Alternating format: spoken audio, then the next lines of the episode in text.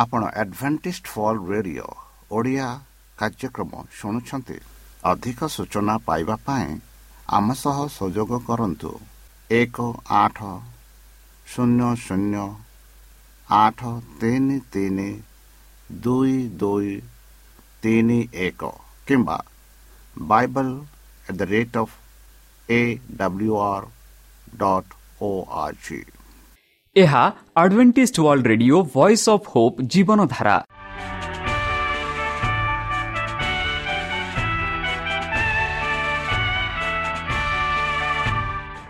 Odia radio କାର୍ଯ୍ୟକ୍ରମ ଯାହା ଆମର ଆନ୍ତର୍ଜାତୀୟ ଆଘାତ କେନ୍ଦ୍ରରୁ ପ୍ରସାରଣ କରାଯାଉଛି ପ୍ରତିଦିନ ରାତି ନଅଟା ତିରିଶ ମିନିଟ୍ରେ। ମୁଁ ସୁବ୍ରତ କୁମାର ପତି ପ୍ରେମର ସହ ଆପଣମାନଙ୍କୁ ଏହି କାର୍ଯ୍ୟକ୍ରମକୁ ସ୍ୱାଗତ କରୁଅଛି। ଚାଲନ୍ତୁ ଆଜିର ତିରିଶ ମିନିଟ୍ର କାର୍ଯ୍ୟକ୍ରମ ବିଷୟରେ ଜାଣିନେବା। ପ୍ରଥମେ ରଖିଛୁ ଆଧ୍ୟାତ୍ମିକ ଭକ୍ତିମୟ ଗୀତ। ଏହାପରେ ଶୁଣିବା ସ୍ୱାସ୍ଥ୍ୟ ବିଷୟରେ ଭକ୍ତଙ୍କଠାରୁ ଜୀବନଦାୟକ ଈଶ୍ୱରଙ୍କ ବାକ୍ୟ। ପ୍ରିୟ ଶ୍ରୋତା ତାହେଲେ ଚାଲନ୍ତୁ ଶୁଣିବା ଏକ ଆଧ୍ୟାତ୍ମିକ ଭକ୍ତିମୟ ଗୀତ।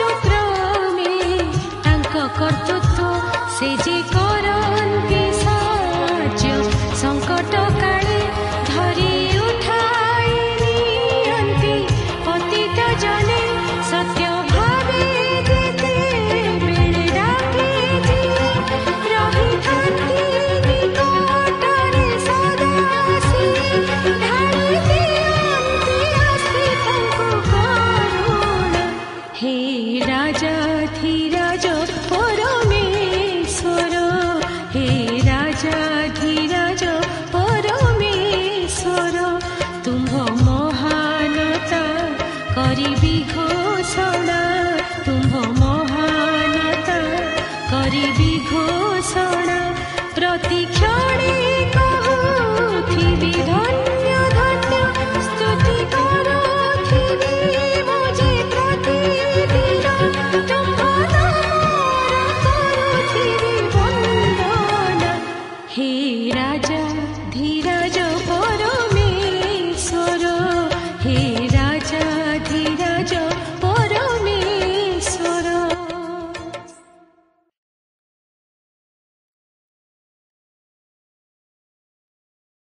ଆମ ଠିକଣା Adventist media centre SDA mission compound Salisbury Park Pune ଚାରି ଏକ ଏକ ଶୂନ ତିନି ସାତ ମହାରାଷ୍ଟ୍ର ବା ଖୋଲନ୍ତୁ ଆମର ୱେବସାଇଟ୍ ଯେକୌଣସି Android phone smartphone desktop laptop କିମ୍ବା ଟ୍ୟାବ୍ଲେଟ୍ ଆମର website W W W dot A W R dot O R G slash O R I ବର୍ତ୍ତମାନ ଚାଲନ୍ତୁ ଶୁଣିବା ଈଶ୍ୱରଙ୍କ ଭକ୍ତଙ୍କଠାରୁ ଈଶ୍ୱରଙ୍କ ଜୀବନଦାୟକ ବାକ୍ୟ ଶେଷର ଉଦ୍ଧାର ଭାଗ ଦୁଇ ନମସ୍କାର ପ୍ରିୟ ଶ୍ରୋତା ସେହି ସର୍ବଶକ୍ତି ସର୍ବଜ୍ଞାନୀ ପ୍ରେମର ସାଗର ଦୟାମୟ ଅନ୍ତର୍ଜମୀ ଅନୁଗ୍ରହ ପରମ ପିତାଙ୍କ ମଧୁର ନାମରେ ମୁଁ ପାଷ୍ଟ ପୂର୍ଣ୍ଣ ଚନ୍ଦ୍ର ଆଉ ଥରେ ଆପଣମାନଙ୍କୁ ଏହି କାର୍ଯ୍ୟକ୍ରମରେ ସ୍ୱାଗତ କରୁଅଛି। ସେହି ସର୍ବଶକ୍ତି ପରମେଶ୍ୱର ଆପଣଙ୍କୁ ଆଶୀର୍ବାଦ କରନ୍ତୁ। ଆପଣଙ୍କୁ ସମସ୍ତ ପ୍ରକାର ଦୁଃଖ କଷ୍ଟ ବାଧା କ୍ଲେଶ ଓ ରୋଗରୁ ଦୂରେଇ ରଖନ୍ତୁ। ଶତ୍ରୁ ସଚେତନ ହସ୍ତରୁ ସେ ଆପଣଙ୍କୁ ସୁରକ୍ଷାରେ ରଖନ୍ତୁ। ତାହାଙ୍କ ପ୍ରେମ ତାହାଙ୍କ ସ୍ନେହ ତାହାଙ୍କ କୃପା ତାହାଙ୍କ ଅନୁଗ୍ରହ ସଦାସର୍ବଦା ଆପଣଙ୍କଠାରେ ସହବର୍ତ୍ତୀ ରହୁ। ପ୍ରିୟ ଶ୍ରୋତା ଚାଲନ୍ତୁ। ଆଜି ଆମ୍ଭେମାନେ କିଛି ସମୟ ପବିତ୍ର ଶାସ୍ତ୍ର ବାଇବଲଠୁ ତାହାଙ୍କ ଜୀବନଦାୟକ ବାକ୍ୟ ଧ୍ୟାନ କରିବା। ଆଜିର ଆଲୋଚନା ହେଉଛି ଶେଷ ଉଦ୍ଧାର ଭାଗ ଦୁଇ। ଭାଗ ଏକ ଗତକାଲି ଆମେ ଆଲୋଚନା କରିସାରିଛେ। ତାହେଲେ ଚାଲନ୍ତୁ ଭାଗ ଦୁଇ ଆମେ ଆଲୋଚନା କରିବା। ବନ୍ଧୁ ଯେଉଁମାନେ ନିଜ ଜୀବନରେ କୃଷ୍ଣଙ୍କୁ ଗ୍ରହଣ କରିଥିଲେ କିନ୍ତୁ ମରିଛନ୍ତି ସେମାନେ ସେମାନଙ୍କର କବରରୁ ପୁନରୁଦ୍ଧିତ ହେବେ ସିଦ୍ଧ ଏବଂ ଅମର ଶରୀର ହେବେ। ଏବଂ ପ୍ରଭୁଙ୍କୁ ଭେଟିବା ପାଇଁ ମେଘରେ ଭେଟିବେ। ପରିତ୍ରାଣ କବରରୁ ସେମାନେ ଉଠିବେ। ଆଉ ଉଠିଲା ପରେ ସେମାନେ ଭେଟିବେ ଆଉ ଯୀଶୁଙ୍କ ସହ ସେ ସ୍ୱର୍ଗରାଜକୁ ଯିବେ। ବନ୍ଧୁ ପୃଥିବୀକୁ ସ୍ପର୍ଶ କରନ୍ତି ନାହିଁ। ସାଧୁମାନେ ତାଙ୍କୁ ଆକାଶରେ ଭେଟନ୍ତି। ତେଣୁ ଈଶ୍ୱରଙ୍କ ଲୋକମାନେ କୌଣସି ରିପୋର୍ଟ ଦ୍ୱାରା ନାହିଁ। ଯେପରିକି ଖ୍ରୀଷ୍ଟ ଲଣ୍ଡନରେ ନ୍ୟୁୟର୍କରେ ମସ୍କରେ କିମ୍ବା ପୃଥିବୀର ଅନ୍ୟ କୌଣସି ସ୍ଥାନରେ ଅଛନ୍ତି ବୋଲି କହନ୍ତି। ଏହା ସବୁ ମିଥ୍ୟା ବୋଲି ପବିତ୍ର ଶାସ୍ତ୍ର ବାଇବଲ ଆମମାନଙ୍କୁ ସ୍ପଷ୍ଟ ରୂପେ କହୁଅଛି। ମିଥ୍ୟା ଖ୍ରୀଷ୍ଟ ପୃଥିବୀରେ ଦେଖାଯିବେ ଏବଂ ଚମତ୍କାର କରିବେ। ମାତ୍ର ଚବିଶ ତାର ତେଇଶ ଟୁ ସତେଇଶ ଯଦି ପଢ଼ିବେ ଏହିପରି ଯୀଶୁ ଖ୍ରୀଷ୍ଟ ସତର୍କବାଣୀ ଦେଇ ଆପଣା ଶିଷ୍ୟମାନଙ୍କୁ କହିଛନ୍ତି। କିନ୍ତୁ ଯୀଶୁ ଦ୍ୱିତୀୟ ଆସିବା ସମୟରେ ପୃଥିବୀରେ ଉପସ୍ଥ ମେଘରେ ରହିବେ। ଏଥି କାରଣରୁ ସମସ୍ତେ ଦେଖିପାରିବେ ପୃଥିବୀରେ ଯେତେ ଲୋକ ଅଛନ୍ତି ସମସ୍ତେ ଦେଖିପାରିବେ। ଆଉ ସେହି ସମୟରେ ଯେତେ ଲୋକ ପୁନରୁଦ୍ଧିତ ହୋଇଛନ୍ତି ସେମାନେ ଯୀଶୁଙ୍କୁ ଦେଖିବେ। ବନ୍ଧୁ ଯୀଶୁ ପୁନର୍ବାର ଆସିବା ପରେ ଦୁଷ୍ଟ ଲୋକମାନେ ସହିତ କ'ଣ ହେବ? ଏହିପରି ଯଦି ଚିନ୍ତାଧାରଣା ନିଜ ମନରେ ରହିଅଛି ଏହି ଚିନ୍ତାଧାରଣାର ପ୍ରଶ୍ନର ଉତ୍ତର ପବିତ୍ର ଶାସ୍ତ୍ରରେ ଆମେ ପାଉଅଛୁ। ଜିସାୟ ଏଗାର ଚାରିରେ ଆମେ ପଢ଼ୁଛୁ ଏହିପରି ସେ ନିଜ ଓଠର ନିଶ୍ୱାସର ଦୁଷ୍ଟମାନଙ୍କୁ ହତ୍ୟା କରିବେ। ସେ ଯେବେ ଯୀଶୁପ୍ରଭୁ ଦ୍ୱିତୀୟଥର ଆସିବେ ସେତେବେଳେ ଦୁଷ୍ଟ ଲୋକମାନଙ୍କୁ ସେ ହତ୍ୟା କରିବେ ବୋଲି ପବିତ୍ର ଶାସ୍ତ୍ର ବାଇବଲ ସ୍ପଷ୍ଟ ରୂପେ ମାନଙ୍କୁ କହୁଅଛି। ତା ବାଦେ ଜିରିମିୟ ଭବିଷ୍ୟତ ଭକ୍ତା ମଧ୍ୟ ଜିରିମିୟ ପଚିଶ ତେତିଶରେ ଆମେ ଦେଖୁଅଛୁ ସେହି ଦିନ ପ୍ରଭୁଙ୍କ ନିହତମାନେ ପୃଥିବୀର ଏକ ପ୍ରାନ୍ତରୁ ପୃଥିବୀର ଅନ୍ୟ ପ୍ରାନ୍ତ ପର୍ଯ୍ୟନ୍ତ ରହିବେ। ପୃଥିବୀର ଏକ ପ୍ରାନ୍ତରୁ ଅନ୍ୟ ପ୍ରାନ୍ତ ପୂର୍ବ ପଶ୍ଚିମ ଉତ୍ତର ଦକ୍ଷିଣ ଚାରିପଟେ ସେମାନେ ଭର୍ତ୍ତି ରହିବେ ବୋଲି ଜିରିମିୟ ଭବିଷ୍ୟତ ବକ୍ତା ଲେଖୁଛନ୍ତି। ବନ୍ଧୁ ଯେଉଁମାନେ ଯୀଶୁ ଆସିବେ ବିଦ୍ରୋହ ଭାବରେ ପାପରେ ଲାଗିଛନ୍ତି ସେମାନେ ତାଙ୍କର ଐଜ୍ୱଳ ଗୌରବକୁ ବିନଷ୍ଟ ହେବେ। ତାଙ୍କ ଉଜ୍ଜଳ ଗୌରବରୁ ଦ୍ୱାରା ସେମାନେ ବିନଷ୍ଟ ହେବ ବୋଲି ପବିତ୍ର ଶାସ୍ତ୍ର ବାଇବଲ ଆମମାନଙ୍କୁ ସ୍ପଷ୍ଟ ରୂପେ କହୁଅଛି ତାହେଲେ ଖ୍ରୀଷ୍ଟଙ୍କ ଦ୍ୱିତୀୟ ଆଗମନ ପୃଥିବୀକୁ କିପରି ପ୍ରଭାବିତ କରିବ ଯେବେ ଯୀଶୁଖ୍ରୀଷ୍ଟ ଏହି ପୃଥିବୀକୁ ଦ୍ୱିତୀୟ ଥର ଆସିବେ ସେତେବେଳେ ଏହି ପୃଥିବୀରେ କିପରି ପ୍ରଭାବିତ ହେବ କିପରି ପ୍ରଭାବିତ କରିବ ଏହିପରି ପ୍ରଶ୍ନ ଯଦି ଆପଣମାନଙ୍କ ମନର ରହିଅଛି ପବିତ୍ର ଶାସ୍ତ୍ର ବାଇବଲରେ ଏହି ପ୍ରଶ୍ନର ଉତ୍ତର ଆମେ ପାଉଅଛୁ ଯାହାକି ପ୍ରକାଶିତ ବାକ୍ୟ ତାର ଷୋହଳ ଅଠର ଟୁ କୋଡ଼ିଏ ଯଦି ପଡ଼ିବା ଏଠି ସୁନ୍ଦର ଭାବରେ ଏମାନଙ୍କୁ ବୁଝେଇ ସେହି ଜନ ପ୍ରେରିତ ପ୍ରକାଶିତ ଲେଖକ ଆମମାନଙ୍କୁ କହନ୍ତି କି ଏକ ବଡ଼ ଭୂକମ୍ପ ଥିଲା ଏକ ବଡ଼ ହେବ ଏପରିକି ଶକ୍ତିଶାଳୀ ଏବଂ ବଡ଼ ଭୂକମ୍ପ ଯେପରି ପୃଥିବୀରେ ମନୁଷ୍ୟମାନେ ହୋଇନ ମାନେ ଏମିତି ପୃଥିବୀରେ କେବେ ହେଲେ ମଣିଷମାନେ ଏହିପରି ଅନୁଭବ କେବେ ବି କରିନାହାନ୍ତି ସେହିପରି ଭୂକମ୍ପ ହେବ। ତାପରେ ପ୍ରତ୍ୟେକ ଦ୍ୱୀପ ପଳାୟନ କଲା। ମାନେ ପ୍ରତ୍ୟେକ ଦ୍ୱୀପ ଆଉ ରହିବନି ଯାହାକି ଆମେ ଆଜିକାଲି ଦେଖୁଛୁ ଆମର ଭାରତର ଅନେକ ଦ୍ୱୀପ ଗୁଡ଼ାକ ଅଛି ଯେପରିକି ଆଣ୍ଡାମାନ ନିକୋବର ଆଇଲ୍ୟାଣ୍ଡ ଗୁଡ଼ିକ ପଳାୟନ ହେବ ବୋଲି ଆମେ ପବିତ୍ର ଶାସ୍ତ୍ରରେ ବାଇବଲ ଦେଖୁଛୁ। ଆଉ ତାହା ବାଦେ ପର୍ବତ ଗୁଡ଼ିକ ମିଳିଲା ନାହିଁ। ମାନେ ପର୍ବତ ଗୁଡ଼ାକ ସେଠି ରହିବନି। ପର୍ବତ ବି ପଲାୟନ କରିବେ। ଏହିପରି ପରିସ୍ଥିତି ହେବ। ଏହିପରି ପ୍ରଭାବିତ ହେବ। ଯେବେ ଯୀଶୁ ଖ୍ରୀଷ୍ଟ ଦ୍ୱିତୀୟ ଥର ଏହି ପୃଥିବୀକୁ ଆସିବେ ସେତେବେଳେ ଏହିପରି ପ୍ରଭାବ ଆମେ ଅନୁଭବ କରିଥିବା। ଆଉ ଯେତେ ଲୋକ ଅଛନ୍ତି ପୃଥିବୀରେ ସେମାନେ ବି ଅନୁଭବ କରିବେ। ଛବିଶରେ ସେ କହନ୍ତି ମୁଁ ଦେଖିଲି ପ୍ରକୃତରେ ଫଳପ୍ରଦ ଦେଶ ଏକ ମରୁଭୂମି ଥିଲା ଏବଂ ପ୍ରଭୁଙ୍କ ଉପସ୍ଥିତିରେ ଏହାର ସମସ୍ତ ନଗର ଭାଙ୍ଗିଗଲା।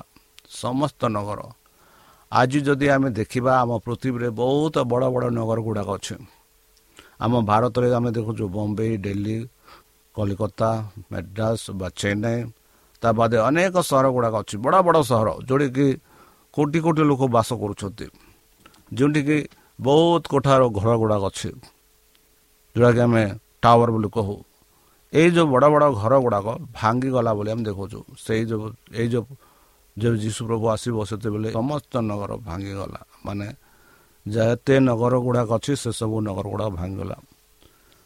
ଆଉ ସେହିପରି ଜିସା ଭବିଷ୍ୟତ ଭକ୍ତ ଲେଖନ୍ତି ଜିସା ଚବିଶ ଏକ ଟୁ ତିନିରେ ସେ କହନ୍ତି କି ପୃଥିବୀକୁ ଶୂନ୍ୟ କରି ଧ୍ୱଂସ କରନ୍ତି।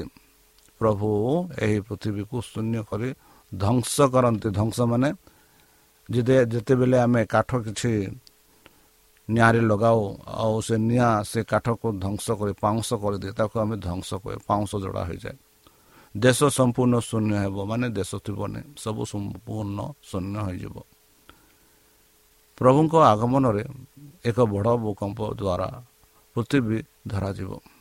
ପ୍ରଭୁଙ୍କ ଆଗମନରେ ଏକ ବଡ଼ ଭୂକମ୍ପ ଯାହାକି କେବେ ଘଟିନଥିଲା ଆଉ କେବେ ଘଟିବନି। ସେହିପରି ଭୂ ଏହି ପୃଥିବୀରେ। ଆଉ ଏଇ ଯେଉଁ ଭୂକମ୍ପ ଏତେ ଭୟାନକ ଭୟଙ୍କର ଥିବ ଯେ ଏହା ସଂସାରକୁ ସମ୍ପୂର୍ଣ୍ଣ ବିନାଶ ଅବସ୍ଥାରେ ଛାଡ଼ିଦେବ। ଦେଖନ୍ତୁ ବନ୍ଧୁ ଏଡ଼େ ବଡ଼ ଭୂକମ୍ପ ହେବ। ଆଉ ଏତେ ବଡ଼ ଭୂକମ୍ପ ହେବ ଯେ ପ୍ରାୟ ସଂସାରକୁ ବିନାଶ ଅବସ୍ଥାରେ ଦେଖାଯିବ।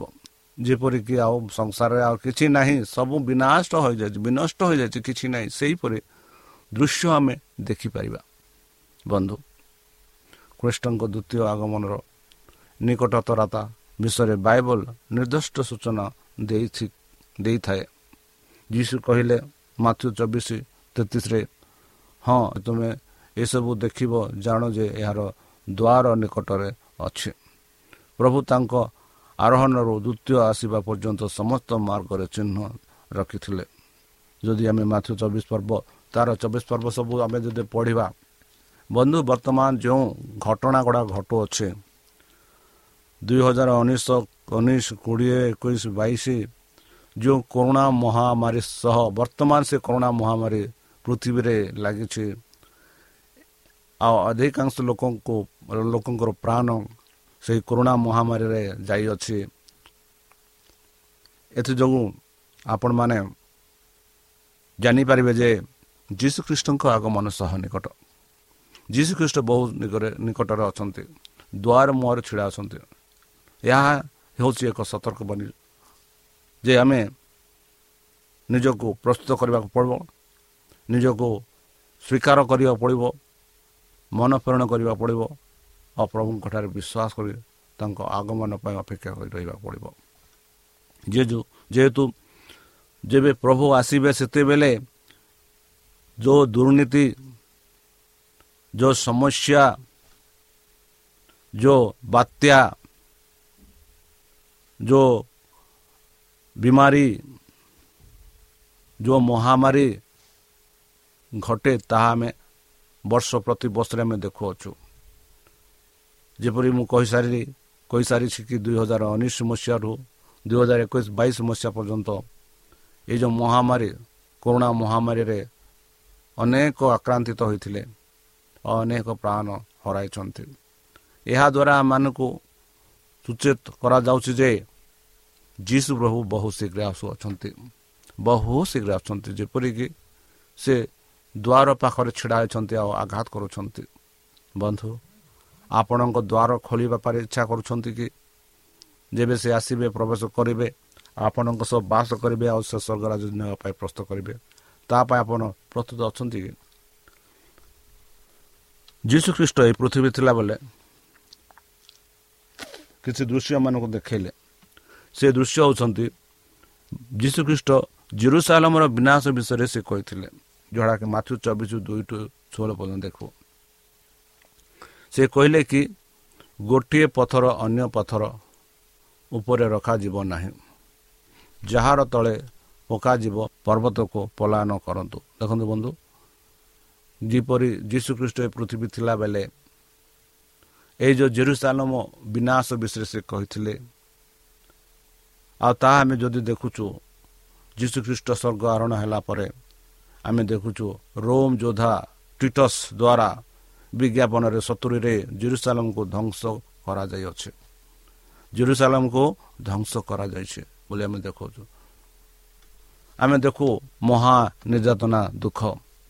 ଯଦି ଆମେ ଦେଖିବା ଏହି ଯେଉଁ ମହାନ ନିର୍ଯାତନା ଦୁଃଖ ଏହା ବି ଯୀଶୁଖ୍ରୀଷ୍ଟଙ୍କ ଦ୍ୱାରା ଭବିଷ୍ୟତବାଣୀ କରାଯାଇଥିଲା ସେଠି ଆମେ ଦେଖୁଛୁ ଯାହାକି ମାତୃ ଚବିଶ ଏକୋଇଶ ଯାହା କୁହାଯାଇଥିଲା ତାହା ହେଲା ବଡ଼ ଦୁଃଖ ଆସିବା ଦିନ ଯେପରି ଜଗତ ଆରମ୍ଭରୁ ହୋଇ ନାହିଁ ବନ୍ଧୁ ଏହି ଭବିଷ୍ୟତବାଣୀଟି ମୁଖ୍ୟତଃ ଅନ୍ଧକାର ଯୁଗରେ ଘଟିଥିବା ଦୁଃଖକୁ ସୂଚାଇଥାଏ ଯେଉଁଟାକି ଆମେ ମିଡିଲ୍ ଏଜ୍ ବୋଲି ଆମେ ଇଂରାଜୀରେ କହୁଅଛୁ ବା ଇଂରାଜୀରେ ଡାର୍କ ଏଜ୍ ଯାହା ଆମେ ଇଂରାଜୀରେ କହୁଛୁ ଅନ୍ଧକାର ଯୁଗରେ ଘଟିଥିବା ଦୁଃଖକୁ ଦୁଃଖକୁ ସୂଚାଇଥାଏ ଏବଂ ବିଦ୍ରୋହୀ ଖ୍ରୀଷ୍ଟିଆନ ଚର୍ଚ୍ଚ ଦ୍ୱାରା ପର୍ବତ ଯାଇଥିବା ଯାହାକି ଏକ ହଜାର ବର୍ଷରୁ ଅଧିକ ସମୟ ଧରି ଚାଲିଥିଲା। ମିଥ୍ୟା ମଣ୍ଡଳୀ ଦ୍ୱାରା ପଚାଶ ମିଲିୟନରୁ ଅଧିକ ଖ୍ରୀଷ୍ଟିଆନ ନିହତ ହୋଇଥିଲେ ବନ୍ଧୁ ସେହି ସମୟରେ। ଯାହା ମାନବ ଜାତି ମଧ୍ୟରେ ବିଦ୍ୟମାନ ଥିବା ଅନ୍ୟ ଅନୁଷ୍ଠାନ ଅପେକ୍ଷା ଅଧିକ ନିରୀହ ରକ୍ତ ଢାଲିଛି। ବନ୍ଧୁ ତାପରେ ଆମେ ଦେଖାଉଛୁ ସୂର୍ଯ୍ୟ ଅନ୍ଧକାର ପରିଣତ ହେଲା। ଏହା ବି ଯୀଶୁ ଖ୍ରୀଷ୍ଟ ଭବିଷ୍ୟତବାଣୀ କରିଥିଲେ। ସେ କହିଲେ ମାତ୍ର ସେହି ସମୟରେ କ୍ଲେଶ ଉତ୍ତାରେ ଆକସ୍ତତ ସୂର୍ଯ୍ୟ ଅନ୍ଧକାରମୟ ହେବ ଓ ଚନ୍ଦ୍ର ଆଲୋକ ଦେବ ନାହିଁ। ପୁଣି ନକ୍ଷତ୍ରମାନେ ଆକାଶରୁ ସକ୍ଳିତ ହେବେ ଓ ଆକାଶ ମଣ୍ଡଳ ଶକ୍ତି ଶକ୍ତି ମୁହ ବିଚଳିତ ହେବେ। ଏହିପରି ମାତୃ ତାର ଚବିଶ ଅଣତିରିଶ ଆମେ ଦେଖୁଛୁ। ବନ୍ଧୁ ମେ ଉଣେଇଶ ସତରଶହ ଅଶୀ ମସିହାରେ ଆଲ୍ କି ଅନ୍ଧକାର ଦିନ ଏହା ପୂରଣ ହେଲା। ଏହା ଚନ୍ଦ୍ରଗ୍ରହଣ ନୁହେଁ। ଜଣେ ପ୍ରତ୍ୟାପଦର୍ଶୀ ବର୍ଣ୍ଣନା କରି କହନ୍ତି ଏହିପରି ଉଣେଇଶ ମେ ଏକ ଉଣେଇଶ ସତରଶହ ଅଶୀ ଏକ ଉଲ୍ଲେଖନୀୟ ଅନ୍ଧକାର ଦିନ ଥିଲା ବୋଲି। ଅନେକ ଘର ମହାବତୀ ଜଲା ଯାଉଥିଲା। ପକ୍ଷୀମାନେ ଚୁପ୍ ରହିଲେ ଏବଂ ଅଦୃଶ୍ୟ ହୋଇଗଲେ ଏବଂ ପକ୍ଷୀମାନେ କୁକୁଡ଼ା ହେବାକୁ ଅବସରଣ ନେଲେ। ବିଚାର ଦିନ ପାଖେଇ ଆସୁଥିଲା ବୋଲି ଏକ ଧାରଣା ମତ ପ୍ରକାଶ ପାଇଥିଲା।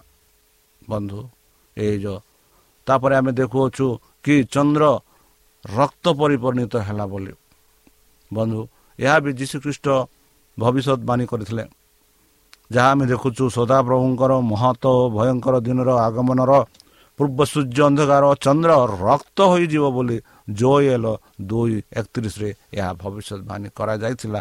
ଆଉ ସେଇଟା ଘଟିଅଛି ବୋଲି ଆମେ ଦେଖୁଛୁ ଯାହାକି ଅନ୍ଧକାର ଦିନ ମେ ସତରଶହ ଉଣେଇଶ ରାତି ଚନ୍ଦ୍ର ରକ୍ତ ପରି ଲାଲ ହୋଇଗଲା ବୋଲି ଆମେ ଦେଖୁଅଛୁ ସୂର୍ଯ୍ୟବେକ୍ଷକ କହିଛନ୍ତି ଯେ ସାମାସୁ ଷ୍ଟୋନ ଇତିହାସରେ ଜଣେ ପର୍ଯ୍ୟବେକ୍ଷକ କହନ୍ତି ଯେ ଚନ୍ଦ୍ର ସମ୍ପୂର୍ଣ୍ଣ ରୂପେ ରକ୍ତ ପରି ଦେଖାଯାଇଥିଲା ବନ୍ଧୁ ତାପରେ ଆମେ ଦେଖୁ କି ତାରାଗଣ ସ୍ୱର୍ଗରୁ ପଡ଼ନ୍ତି। ଏହା ବି ଭବିଷ୍ୟତବାଣୀ କରାଯାଇଥିଲା ମାତୃ ଚବିଶ ଅଣତିରିଶରେ କି ତାରାମାନେ ସ୍ୱର୍ଗରୁ ପଡ଼ିବେ ବୋଲି କାହା ଦ୍ୱାରା କରାଯାଇଥିଲା? ଯୀଶୁ ଖ୍ରୀଷ୍ଟଙ୍କ ଦ୍ୱାରା। ବନ୍ଧୁ ଏହା ପୂର୍ଣ୍ଣତା ହେଲା। କେବେ? ନଭେମ୍ବର ତେର ଅଠରଶହ ତେସ୍ତରୀ ମସିହାରେ। ସେହି ରାତିରେ ଏକ ଚମତ୍କାର ତାରା ସାୱାର ଚମତ୍କାର ବର୍ଷା ହୋଇଥିଲା ତାରା ବର୍ଷା ହୋଇଥିଲା ଏହା ଏତେ ଉଜ୍ଜଳ ଥିଲା ଯେ ଅନ୍ୟ ଏକ ଅନ୍ଧକାର ରାସ୍ତାରେ ଖବରକାଗଜ ପଢ଼ି ହେବ ସେହିପରି ଉଜ୍ଜଳତା ହୋଇଥିଲା ଲୋକମାନେ ଭାବିଲେ ଦୁନିଆର ଶେଷ ଆସୁଛି ଏହାକୁ ଦେଖନ୍ତୁ ଏହା ଅତ୍ୟନ୍ତ ଆକର୍ଷଣୀୟ ଏବଂ ଖ୍ରୀଷ୍ଟଙ୍କ ଆଗମନର ଏକ ସଂକେତ ଅଟେ। ଜଣେ ଲେଖକ କହନ୍ତି ପ୍ରାୟ ଚାରି ଘଣ୍ଟା ଧରି ଆକାଶ ଅକ୍ଷରେ ଜଳି ଯାଉଥିଲା। ଏହିପରି ଜଣେ ଲେଖକ ସେ କହନ୍ତି ବନ୍ଧୁ ତାପରେ ଯୀଶୁ ମେଘରେ ଆସନ୍ତି। ଏହା ବି ଭବିଷ୍ୟତବାଣୀ କରାଯାଇଛନ୍ତି କି ଏହିସବୁ ଘଟଣା ଘଟିଲା ପରେ ଏହିସବୁ ହେଲା ପରେ ଯୀଶୁ ଖ୍ରୀଷ୍ଟ ଆସୁଛନ୍ତି। ଆମେ ଦେଖୁଛୁ ଏଇ ଘଟଣା ଗୁଡ଼ାକ ଘଟି ସାରିଛି। ଏ ଯେଉଁ ଯେଉଁ ଭବିଷ୍ୟତବାଣୀ ଈଶ୍ୱର କରିଥିଲେ ସେଇ ଭବିଷ୍ୟତବାଣୀ ଗୁଡ଼ାକ ଘଟି ସାରିଛି। ଆଉ ଯୀଶୁ ପ୍ରଭୁ ଆସୁଛନ୍ତି ତାହା ବି ଯୀଶୁ ପ୍ରଭୁ କହିଲେ ଏହିସବୁ ଘଟିଲା ପରେ ଆପଣମାନେ ଦେଖିପାରିବେ ଯୀଶୁଖ୍ରୀଷ୍ଟ ସେ ସ୍ୱର୍ଗ ସେହି ମେଘରେ ବସି ଆସୁଛନ୍ତି। ମାତୃ ଚବିଶ ତାର ଆମେ ଦେଖୁ ଯେତେବେଳେ ଆକାଶରେ ମଣିଷ ପୁତ୍ରଙ୍କର ଲକ୍ଷଣ ଦେଖାଯିବ ପୁଣି ସେ ସମୟରେ ପୃଥିବୀର ସମସ୍ତ ଗୋଷ୍ଠୀ ବିଳାପ କରିବେ। ଏବଂ ମଣିଷ ପୁତ୍ରକୁ ମହାପରାକ୍ରମ ଓ ମହାମହିମା ସହ ଆକାଶର ମେଘମାଳାରେ ଆଗମନ କରିବା ଦେଖିବେ। ବନ୍ଧୁ ଏହା ହେଉଛି ପରିବର୍ତ୍ତୀ ମହାନ ଘଟଣା। ତୁମେ ପ୍ରସ୍ତୁତ ଅଛନ୍ତି କି ବନ୍ଧୁ? ଯେ ଯୀଶୁଖ୍ରୀଷ୍ଟଙ୍କ ଆଗମନ ପାଇଁ ତାହେଲେ ଚାଲନ୍ତୁ।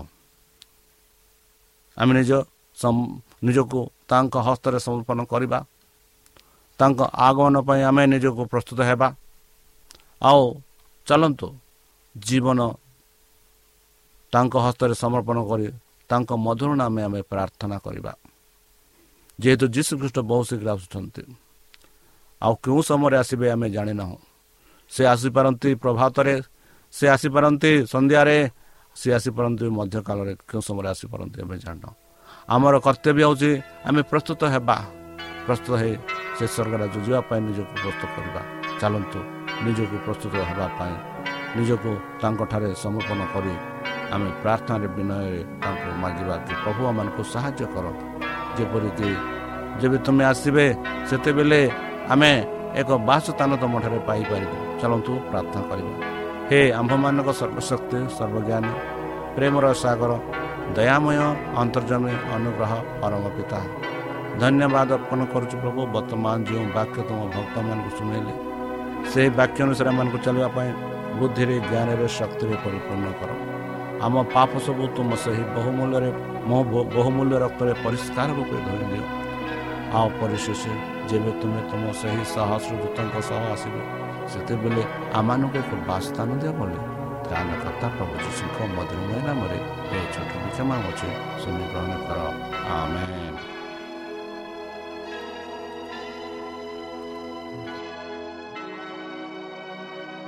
প্রিয় শ্রোতা, আমি আশা করুছু যে আমার কার্যক্রম আপনার পসন্দ লাগুব আপনার মতামত পাই আমার এই ঠিকার যোগাযোগ করতু আমার ঠিকনা advantage media centre SDA mission compound সাি park Pune চারি এক এক শূন্য তিন সাত মহারাষ্ট্র বা খোলতু আমার ওয়েবসাইট যেকোন Android phone smartphone desktop laptop কিংবা ট্যাবলেট ଆମର website W W W dot A W R dot O R G slash O R I ଏବଂ W W W dot Adventist media centre India dot O R G Adventist media centre ଇଣ୍ଡିଆର spelling ହେଉଛି A D V E N T I S T M E D I A C E N T R E I N D I A ଅଥବା download କରନ୍ତୁ ଆମର mobile app ଆପଣଙ୍କର mobile play ଷ୍ଟୋରକୁ ଯାଆନ୍ତୁ ଆଉ type କରନ୍ତୁ the voice of Hope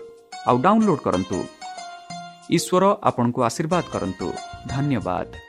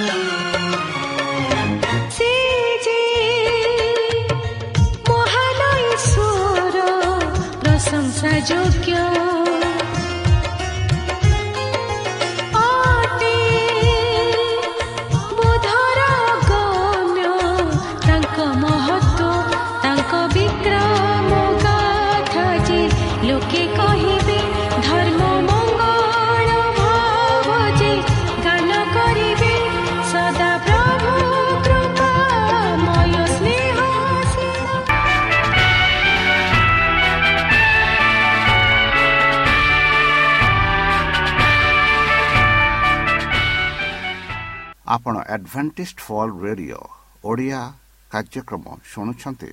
ଅଧିକ ସୂଚନା ପାଇବା ପାଇଁ ଆମ ସହ ସଂଯୋଗ କରନ୍ତୁ। ଏକ ଆଠ ଶୂନ୍ୟ ଶୂନ୍ୟ ଆଠ ତିନି ତିନି ଦୁଇ ଦୁଇ ତିନି ଏକ କିମ୍ବା Bible at the rate of A W R dot O R G